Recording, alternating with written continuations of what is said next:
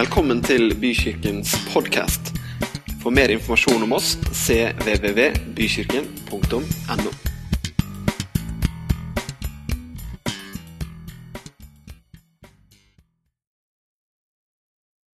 Å, vi ærer deg, Herre. Halleluja. Halleluja. Vi takker deg, Herre. Amen. Amen. Tusen takk skal dere ha. Du vet, På engelsk så har de et sånt uttrykk som ikke passer seg, eller et ord som ikke vi har egentlig på norsk. De sier 'magnify the Lord'. Vet du hva et magnifying glass er for noe? Et forstørrelsesglass. Og det er en sånn oppfordring om å gjøre Herren stor. For når Han blir stor, da blir vi, våre omstendigheter, det vi står oppi, det blir mindre. Og så er Han så stor at Han kan kaste sin skygge inn i livene våre. Å være i Hans skygge, det er et veldig bra sted å være. Det er bra å være her òg. Du er enig i det? Ingen tvil om det i det hele tatt. Det er utrolig godt å se folk igjen. Eh, Jeg hadde, jo, jeg hadde jo tatt litt feil av disse feriedatoene. Så jeg trodde egentlig, da, Det er jo sånn når man overlater eh, ferjebillettene til kona Jeg trodde egentlig at vi kom hjem en dag seinere enn det vi gjorde. Og Derfor så tenkte jeg at nei, sommerkirke 29. juli det får vi jo ikke til, for vi kommer jo en eller annen gang eh, på natta, natta før den 29. eh, Så det blir litt vrient. Men så kom vi jo hjem en dag før, sånn at jeg, jeg fikk de der abstinensene da, som Frank og andre har bekjent her på morgenen at de hadde. Var en annen her også som jeg hilste på, som hadde, hadde møteabstinenser. Men vi hadde faktisk gudstjeneste den dagen hjemme, vi. Men det var bare Philip og Emily og bikkja og Julia og jeg. Og mens eh, Julia hadde kafétjeneste og gjorde klar til en aldri så liten båttur, så hadde vi gudstjeneste i stua. Dvs. Si jeg var dere, jeg var forsamlingen. De som sto på scenen, var en labrador og en åtteåring og en femåring. Og vi hadde både lovsang og skriftlesning og bønn. Og det hele var gjort unna på ca. åtte minutter. Og Det var skriftlesning fra Salme 1, og det var jo fint når det etter at det står om han som er så salig, vet du, som eh, ikke sitter i eh, synderes sete og, og, og hele greiene der, så står det jo også om de udugelige, som Emily sa. Slik er det ikke med de udugelige. Så jeg fikk litt nytt lys over det. Om det, er en, om det er en likhet mellom udugelige og ugudelige, det skal ikke jeg ha sagt noe om, men det ble i hvert fall ganske morsomt. Men så avsluttet vi helt trygg på teologisk grunn. Han har skapt alle stjernene. Det er Gud i himmelen. Så bekjennelsen, den var på plass. Dere, det er godt at vi er liksom eh, i gang igjen. Det er ikke noe restart. Vi tar bare opp tråden, og så går vi videre. Men vi gjør det med en forventning. Fordi at det er nemlig sånn at Selv om noen av oss vi er veldig, eller noen av menneskene de er veldig vanemennesker, og det er nesten så ikke de merker at det er årstider en gang i Norge. Det skal godt gjøres, for det er liksom alt er det samme. Noen er så vanemennesker at de bytter ikke mellom sommer- og vintertid engang. For de liker ikke endring, ikke sant? Men det er allikevel noe med det at når sommeren er over, eller vil si ferien i hvert fall er over Sommeren er jo ennå ikke helt over. Det er vi glad for. Ikke sant, Carl? Sykkelsesongen later til å bli meget lang i år. Så det er det veldig mange som er veldig glad for. Men det er allikevel sånn at ting starter litt opp igjen. Og eh, vi kommer hit i dag. Vi kommer tilbake til hverdagen med litt ulike sommererfaringer. Eh, sommeren er bra, og så kan sommeren være veldig krevende også. Men det som i alle fall er helt sikkert, det er at det er en vei videre. Hm. Det er en framtid. Eh, som tidligere lærer og nå som predikant så er det jo en sånn fristelse som oppstår ved hver ny sesong. Og det er jo hva skal man gjøre med bunken fra i fjor? Noen som har hatt noen lærere som du virkelig opplevde at de har snudd bunken? Jeg har jo hørt både prester og pastorer og lærere som de snur bunken, og så tenker man at ja, nå tar vi det en gang til. Eller vi har jo funnet på mye bra før, så vi kjører en gang til. Men dere, jeg har ikke tenkt å snu bunken. Jeg har ikke tenkt å kjøre repeat på det som kanskje var i forrige år, eller liksom flyte på det som har vært. Fordi at Bibelen taler om en Gud som hele tiden gjør noe nytt. Bibelen taler om en Gud som gir framtid og håp. Og det var jo En som sa det en gang, han var herlig nyfrelst. ikke sant? Du har kanskje hørt det før, og Han huska ikke av, i hvilket av brevene det står, men han syntes det var så bra. Der hvor det sto at 'du skal få en dag i morgen med blanke ark og fargestifter til'. Og vi kan le av den. Han hadde blanda Prøysen og Paulus. Men, men det er faktisk noe i det utsagnet der. Hm. Fordi det harmonerer veldig godt med Bibelens ord om at 'Se, jeg gjør alle ting nye'. Og nå er det ikke sånn at Vi kan bare ta den gamle tegneboka og kaste den, og så er det liksom som om alt er borte. Men faktisk så er det sånn at vi er nye skapninger. Gud han ønsker å gjøre noe nytt iblant oss. Noen av oss her har mer grå hår enn andre. Nå mobbes jeg ikke lenger for grå hår. Nå sier de du er hvit. Om det betyr at jeg er eldre, det vet jeg ikke. Frank er min rådgiver på alt som har med alder å gjøre. Han ligger langt foran. Har du farga det i sommer? Nei. Nei, jeg skal ikke tulle med Frank. Altså, Frank er en veldig god mann, men han er litt eldre enn meg. det er han. Men, men du vet, det er lett for oss som har vært i gamet, har vært i kirke, har liksom, er fjerde generasjons pinsevenner eller åttende generasjons lutheranere, så tenker vi liksom at ja, nei, nå tar vi en runde til i kirkeåret, og så får vi se om ikke det er omtrent det samme, eller om det holder stand. Dere, jeg har en forventning om noe mer. I dag har jeg, til, har, jeg satt en tittel som bare har eh, Den er der, og så får vi se hvor godt det harmonerer med resten. Men jeg har en tittel i dag som er 'Ord som setter spor'. Og der har vi bytta font på presentasjonen. Ja, Det blir spennende å se hvordan resten av den ser ut. Den så ikke sånn ut i stad. Uansett, det er ordene som teller. Jeg har lyst til å snakke om ord som setter spor. Og vi må gå til eh, noen av tekstene for i dag. Og det første er faktisk på engelsk. Fordi at profeten Jesaja han snakker om det som skal komme. Gud snakker gjennom han. Og så står det i den engelske oversettelsen eh, 'The Message'. Og jeg syns den er så bra, så jeg er bare nødt til å lese den for dere. Er du med? Ingen? Er du med? Det kan komme litt sånn norsk etterpå, altså, så du får det med deg. Men hør her. Forget about what's happened. Don't keep going over old history. Deilig. Der var den streken satt. Be alert. Be present. I'm about to do something brand new. It's bursting out. Don't you see it? There it is. I'm making a road through the desert, rivers in the badlands. Halleluja! Det er nydelig. Dere skal ikke minnes de første ting, står det på norsk. Ikke tenke på det som hendte før. Opplever du at fortiden henter deg inn noen ganger? Opplever du at historien er den stemmen som er høyest i livet ditt? Ja, det gjør vi som mennesker. For det er det eneste vår anklager kan komme opp med. Det er noen tidligere mistak, det er noen ting som ikke har funka, det er noen ting som gikk i vasken osv. Og, så og så er det det. Nei, ikke tenk på det som var. Se, jeg gjør noe nytt. Nå spirer det fram. Merker dere det ikke? Ja, jeg lager Ja, jeg legger en vei i ørkenen elver i ødemarken. Vi skal gå videre til eh, en tekst til som, eh, som er veldig fin. Jeremia 29, 11 sier For jeg vet hvilke tanker jeg har med dere, sier Herren. Det er herlig. Han vet hvilke tanker det er. Det er ikke alltid vi vet hvilke tanker vi har med oss sjøl. Men han vet hvilke tanker han har med oss. Fredstanker ikke ulykkestanker. Jeg vil gi dere framtid og håp.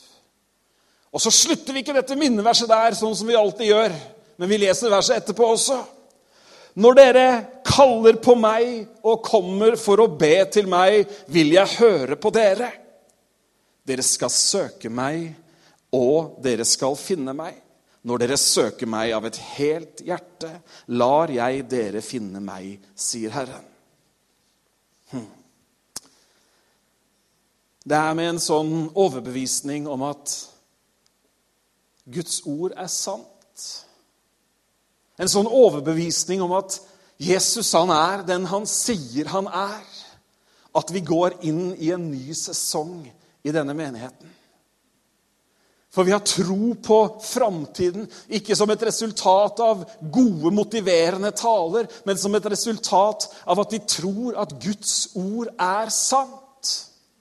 Vi tror at når han sier at han er med oss alle dager inntil verdens ende, så er han det. Amen. Vi tror det er sant, det han sier, at hans navn skal skyte friske skudd. Amen. Amen. Jeg er så glad for at Jesus Kristus er min Herre og Mester. Han har nemlig planer. Han har en vilje. Og så inngår du og jeg i de planene. Vi skal gå til dagens tekst, hovedtekst, som vi finner i Johannes kapittel 2 og de elleve første versene. Det er en så kjent tekst at jeg må komme med to advarsler. Dette er ikke et innlegg i alkoholdebatten. Dette er heller ikke en innføring i jødiske bryllupstradisjoner osv. Men det er historien fra bryllupet i Kanan. Den tredje dagen var det et bryllup i Kana i Galilea. Jesu mor var der. Også Jesus og disiplene hans var innbudt. Da vinen tok slutt, sa Jesu mor til han, 'De har ikke mer vin.' 'Kvinne, hva vil du meg?' sa Jesus. 'Min time er ennå ikke kommet.' Men moren hans sa til tjenerne, 'Det han sier til dere, skal dere gjøre.' Det sto seks vannkar av stein der, slike som brukes i jødenes renselsesskikker. Hvert av dem rommet to eller tre anker. Fyll karene med vann, sa Jesus til tjenerne. De fylte dem til randen. Øs nå opp og bær det til kjøkkenmesteren, sa han. De gjorde det. Kjøkkenmesteren smakte på vannet. Det var blitt til vin.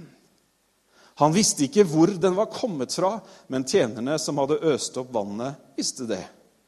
Da ropte han på brudgommen og sa, alle andre setter først fram den gode vinen, og når gjestene blir beruset, kommer de med den dårlige. Men du har spart den gode vinen til nå. Dette var det første tegnet Jesus gjorde. Det var i Kana i Galilea.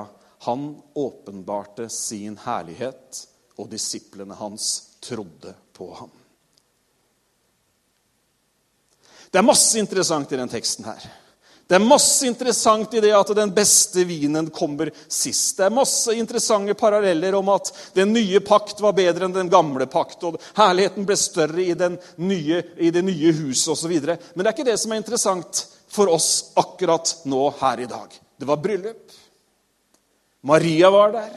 Kanskje var det noe slektskap siden Jesus og disiplene også var der. Og Mange bruker denne historien også som en, som en, undervisning om det å henvende seg til Gud i en tid hvor man har et behov osv. Sier ingenting imot det, men det er ikke det vi skal fokusere på akkurat nå. Men hun sier noe. Og i det hun sier, så ligger det en utfordring til deg og meg også i dag. Og i dag så har jeg lyst til å dele den eller de utfordringene med dere. Det er to utfordringer. Det står at dette var begynnelsen. Det står at Gud åpenbarte sin herlighet. Og det er jo interessant, for å stoppe litt ved Maria Vi hører ikke veldig mye om hva Maria sier. Det er ikke mange vers og kapitler hvor hun legger ut den ene og den andre tingen, men hun dukker opp her eh, som en moder som en voksen kvinne som peker mot Jesus. Når jeg leste dette her på nytt, så så jeg for meg noen av de godt voksne damene jeg kjenner. Noen av dere sitter her. Og så tenker jeg så fantastisk med en godt voksen dame eller en godt voksen mann som har opplevd Jesu nærvær, som vet hva han er god for, og som sier til den yngre generasjonen uansett hva han sier, gjør det. Er ikke det fint? Er ikke det nydelig? Vi trenger noen sånne, men det har vi preka om før, og det skal vi preke om igjen, så det er ikke der vi stopper nå. Men det gjorde hun faktisk. Men dere, jeg har lyst til å ta to utfordringer som jeg tror mange av oss står overfor. I akkurat dette og gjøre akkurat det han sier. For det er ikke noe snikksnakk. Det er klar tale. Det er Hun gir beskjed til tjenerne. Hun tar autoritetsplass og sier det han sier, gjør det.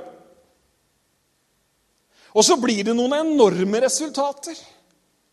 For det blir ikke bare det at ja, de hørte og de gjorde, ingenting skjedde, eller det skjedde litt. Nei, det som faktisk skjer, er at ikke noe mindre enn hans herlighet blir åpenbart. Litt tidligere i, i, i, samme, i samme boka, hos Johannes, så står det det Og vi så hans herlighet. En herlighet som den enbårne har fra Sønnen, full av nåde og full av sannhet. Her ser vi et av de fysiske uttrykkene. Den første utfordringen som du og jeg ofte står overfor, og som jeg har lyst til at vi skal ta med oss inn i denne høsten. For vet du hva? Jeg tror ikke at vi trenger flere gode prekener som inspirerer oss mens vi sitter her, og som vi kanskje husker i kafeen. Sorry, jeg tror ikke det er det vi trenger. Ok, Nå er jeg utenfor sånn der prekenlære og utenfor det ene og det andre. Det vi trenger som troende i vår hverdag i dag, det er å begynne å leve troen hver eneste dag i de ulike settingene vi er i. Skulle gjerne hatt et rungende amen på det, men det jeg trenger ikke et amen engang. For det er det som er å være en disippel av Jesus. Det er ikke å høre prekener og synes at det var bra å ha et passe godt sosialt nettverk. Hallo? Det er ikke det det dreier seg om i det hele tatt. Det er et biprodukt. Men vi trenger, akkurat som disse tjenerne, hør hva han sier, og gjør det. Og første utfordring for deg og meg, det er å høre hva han sier. Altså, Jeg må bare si at størrelsen og fonten var mer beskjeden på min presentasjon. Her ser det ut som nå har Bent Ove tenkt å rope med de største, største, typ, største og feiteste Kanskje det er ånden som har tatt over keynote? Men glem det, da. Det sto med litt, få se, det sto med litt sånn fin, snirklete, litt sånn snill første søndagsskrift. Men her kommer det. Men dere Det var voldsomt, altså. Det er ikke sånn at noen må gå lenger bak for å se hva det står. Nei, nei det er, er det når det er lite, det? Ja. Men første utfordringen du og jeg har, det er faktisk å høre hva han sier.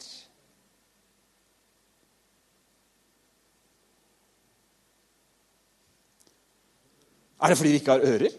Nei. Er det fordi vi eh, Ja, hva er det? Hvorfor er det? Jeg tror den største utfordringen for oss i å høre hva Gud sier Og nå snakker jeg ikke om sånn derre 'Du som sitter der på bakerste rad, nå må du høre hva jeg Jeg snakker ikke om sånn høre hva han sier. Noen som forresten har hatt sånn Guds tiltale? Nei? Han snakker til oss, vet du.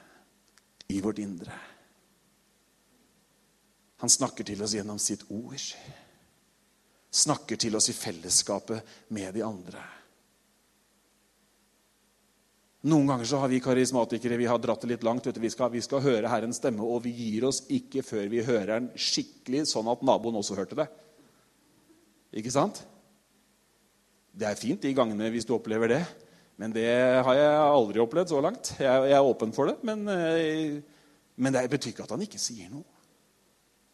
Men hva er utfordringen vår i å høre hva han sier? det er at ørene våre er så tuta fulle av alt mulig annet. Det er at vi har så mange ting på programmet vårt. Da snakker jeg ikke bare om ting på programmet, men jeg snakker om Jeg snakker om den der som vi drar opp av lomma hele tiden. Jeg gjør det sjøl, jeg. Har merka det, eller? Har, har, har, du liksom tre minutter hvor du må vente på noen? eller et eller annet? Det er jo utrolig hva du rekker på den der på tre minutter. er det ikke det? Hallo?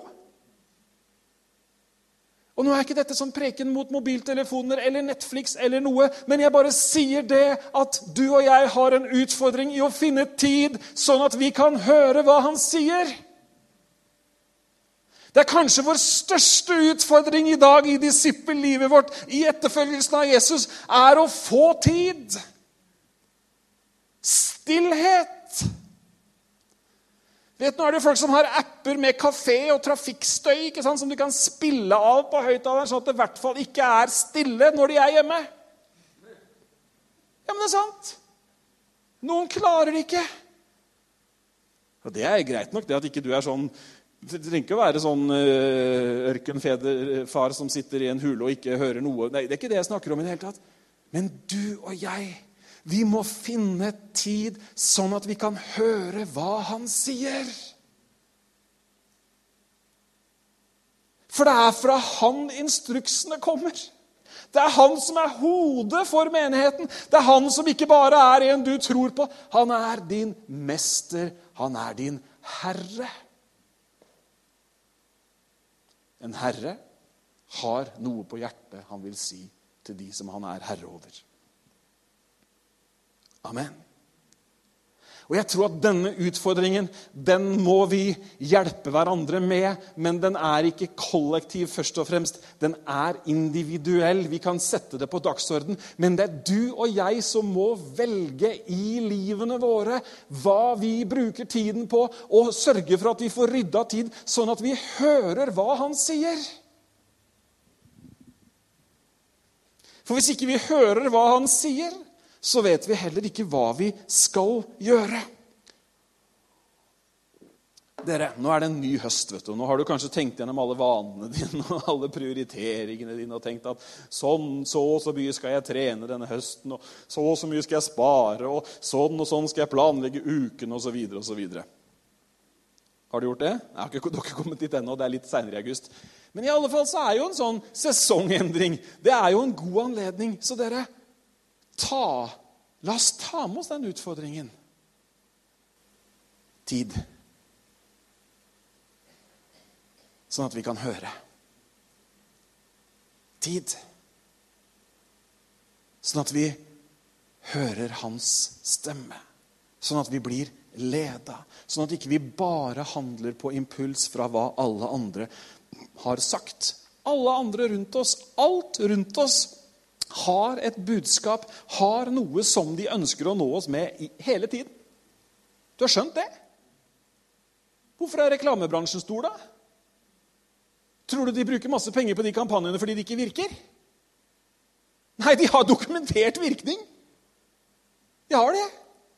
Og det er ikke sånn at vi skal nå skal vi dra fram sangen 'Vær forsiktig, lille øre, hva du hører', og 'lille øye, hva du ser', og så skal vi bygge murer mot alt, og så skal vi ha forbudsliste mot det ene og det andre. Nei, nei, det er ikke det Bent Ove sier i dag. Si det til naboen. Det er ikke det Bent Ove sier i dag.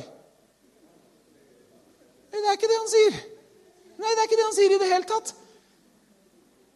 For jeg har ikke tro på den formen for kristendom. Men det jeg har tro på, er å bruke tid med Herren, sånn at vi hører hva Han sier.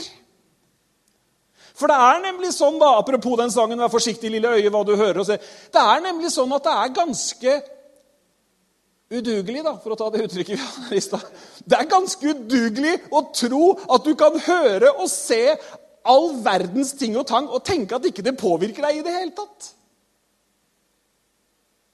Da, da er du ganske lurt. Hvis du tenker at du kan se hva som helst, høre på hva som helst, bedrive hva som helst Men nei, jeg er sterk, jeg tåler alt, jeg.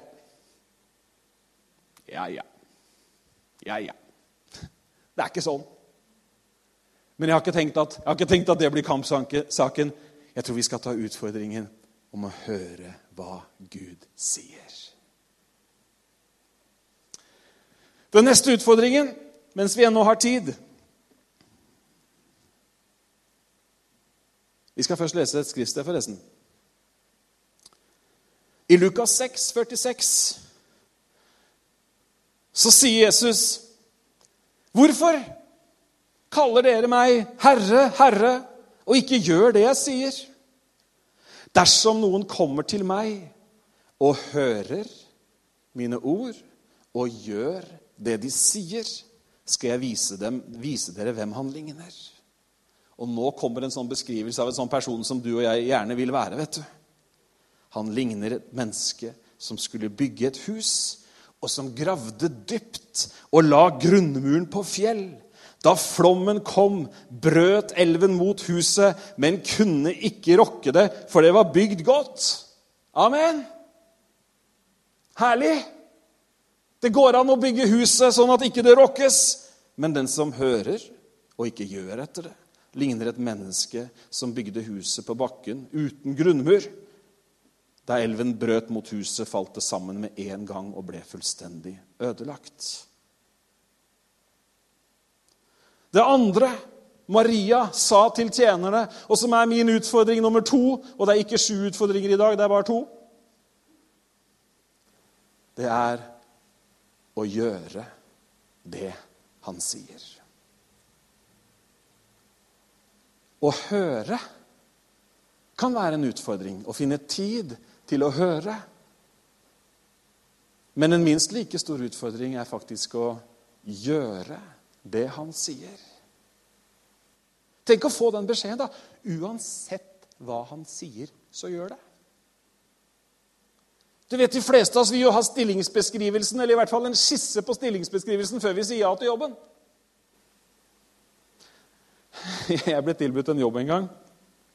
Lik jobb som jeg har nå. Det var gøy. Husker du det, Julia? Og så, og så kom vi så langt som til stillingsbeskrivelsen, eller en sånn oppgaveliste. Da dro vi hjem. Det var en allsidig pastorstilling, det skal jeg love deg. Så Derfor så havna vi her isteden. Men det er en lang historie. Men de fleste av oss vi liker jo å ha den forutsigbarheten, gjør vi ikke det? Noen er kontrollfriker, så de skal vite alt.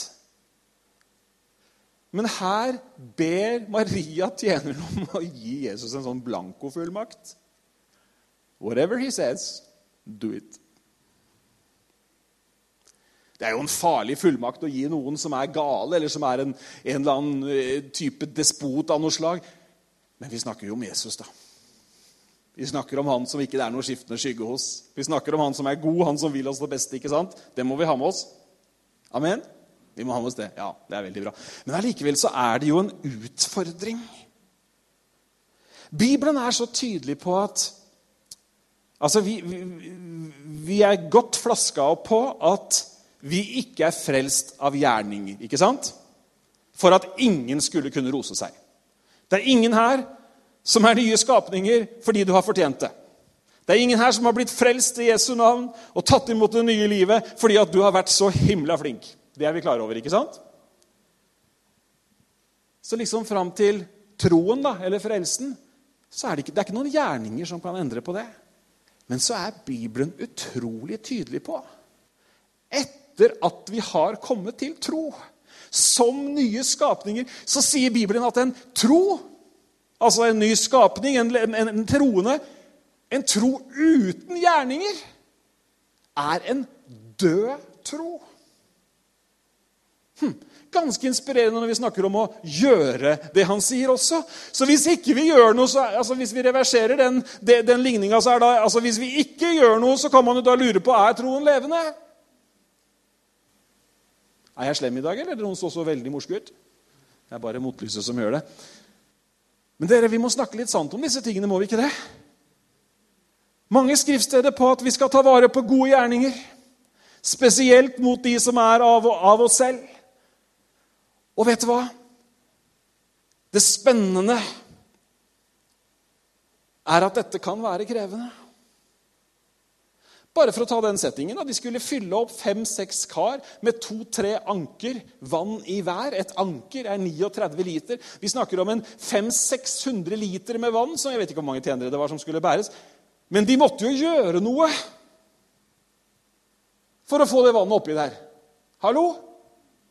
Du vet, Noen ganger så lurer jeg på om vi har lurt oss litt selv når vi har dekt oss bak at ja, det er jo Han, det er jo Gud som er virksom i oss til å ville å gjøre hans gjerninger. ikke sant? Filipperne 2,13. Det har vi vel kanskje på veggen nå? Har vi ikke det, Asbjørn? Jo da. Mine kjære, dere har jo alltid vært lydige mens jeg var hos dere, så vær det enda mer nå når jeg er borte. Og arbeid på deres egen frelse med respekt og ærefrykt.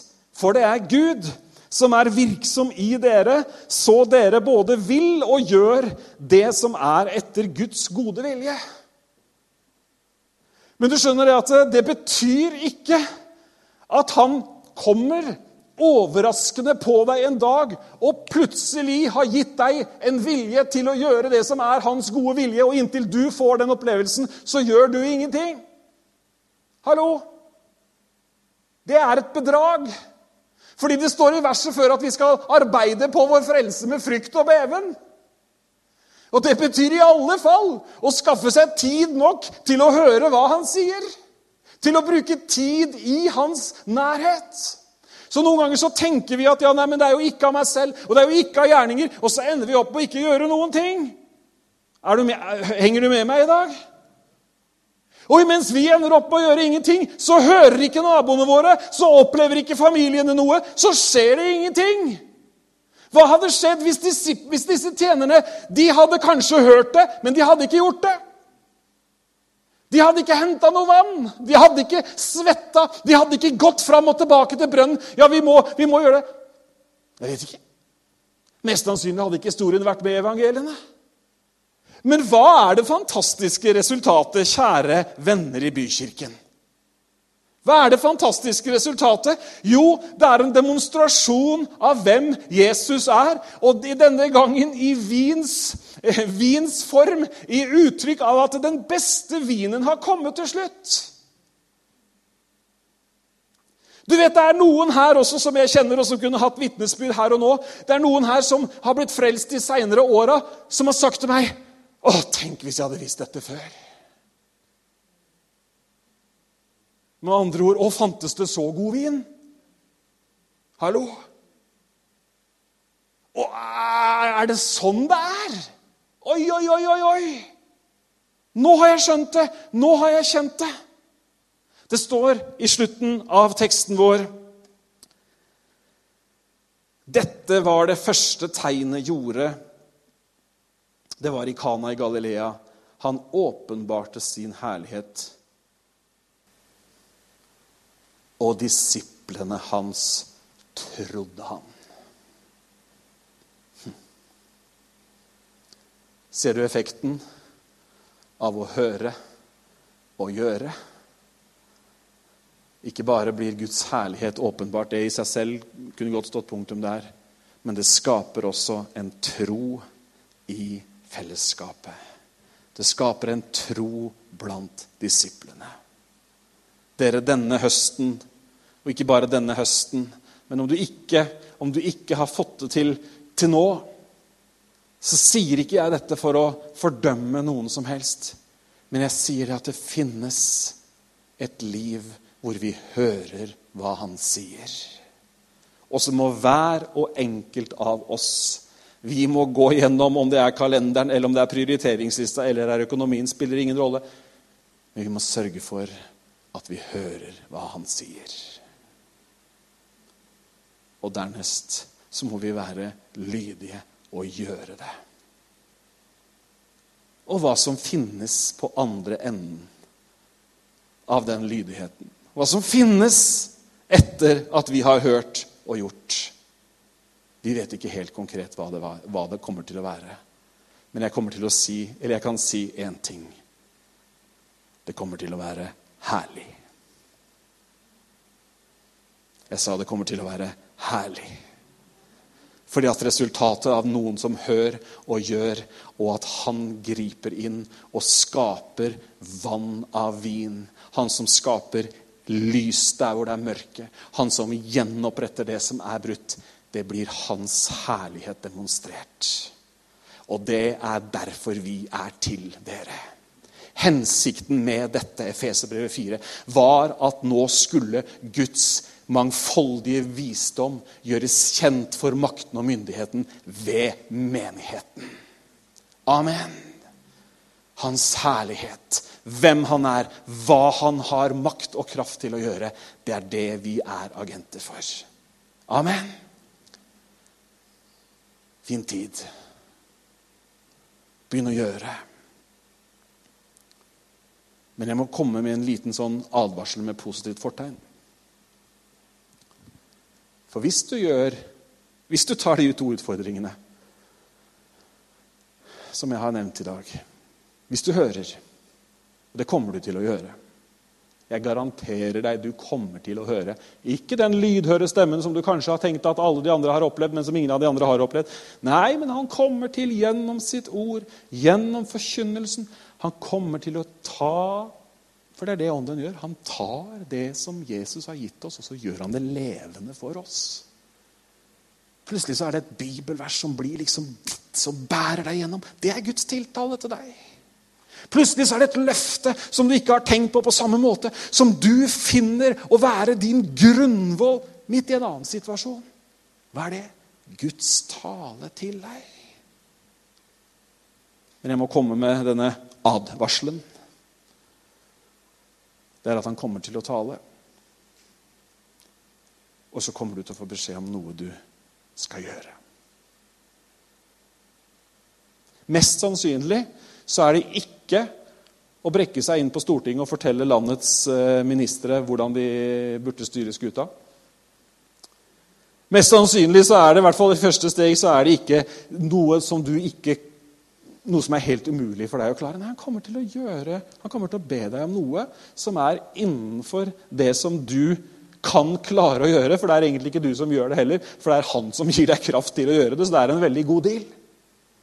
Men, men, men det kommer til å resultere i noen utfordringer. Det kan jo være krevende.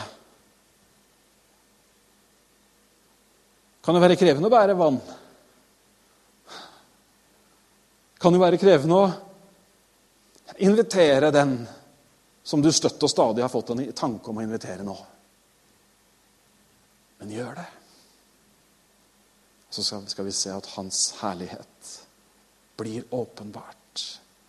Åpenbart betyr at den blir synlig. At den kan ses og merkes av de rundt. Halleluja. Det er herlig å gå inn i høsten med det, da. At han gjør noe nytt. Ja, men han har ikke talt til meg før. Nei, det kan jeg ikke svare for.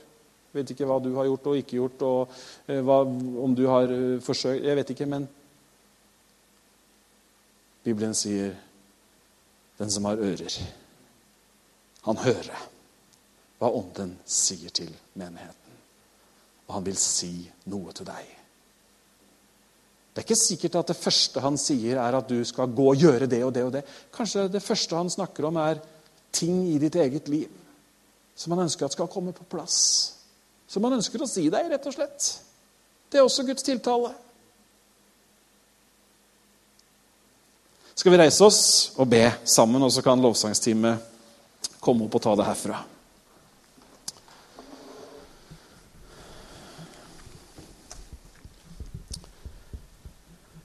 Kan vi ikke bare mens vi står her, være i bønn, i lovsang til Herren? Og så ønsker jeg at du tar, tar disse to utfordringene med deg. Høre hva han sier. Gjøre hva han sier. For Gud, han har planer, skjønner du. Han har ting på hjertet sitt. Og en ting som er så fantastisk med å være født på ny, ved å ha Guds ånd på innsiden, det er at det, det er noe her inne som er skapt for å kommunisere med Han, skapt for å snakke med Han. Men vi må gi det rom. Vi må gi det tid. Så bygges tilliten, så bygges troen. Og Det som er fantastisk også, det er jo at når man lever dette livet så er det sånn at det er ingenting som gir større følelse av tilfredshet enn å høre hans stemme og gjøre det han sier. For hvor er man hen da? Da er man midt i Guds plan med livet. Midt i Guds plan. Herre, vi vender våre hjerter til deg. Vi vender våre liv mot deg. Du som har kjøpt oss med ditt dyre blod. Du som har betalt høy, den høyeste pris. For at vi ikke lenger skulle være langt borte. For at vi ikke lenger skulle være fremmede. For at vi ikke skulle være i mørket. Men for at vi heller skulle få lov å være midt i Guds plan med livet vårt. Vi ærer og vi priser ditt navn. Takk, Herre, for at du ønsker å snakke til oss. Du ønsker å lede livene våre, hverdagene våre, for du er vår Herre, og du er vår frelser. Vi takker og vi priser deg.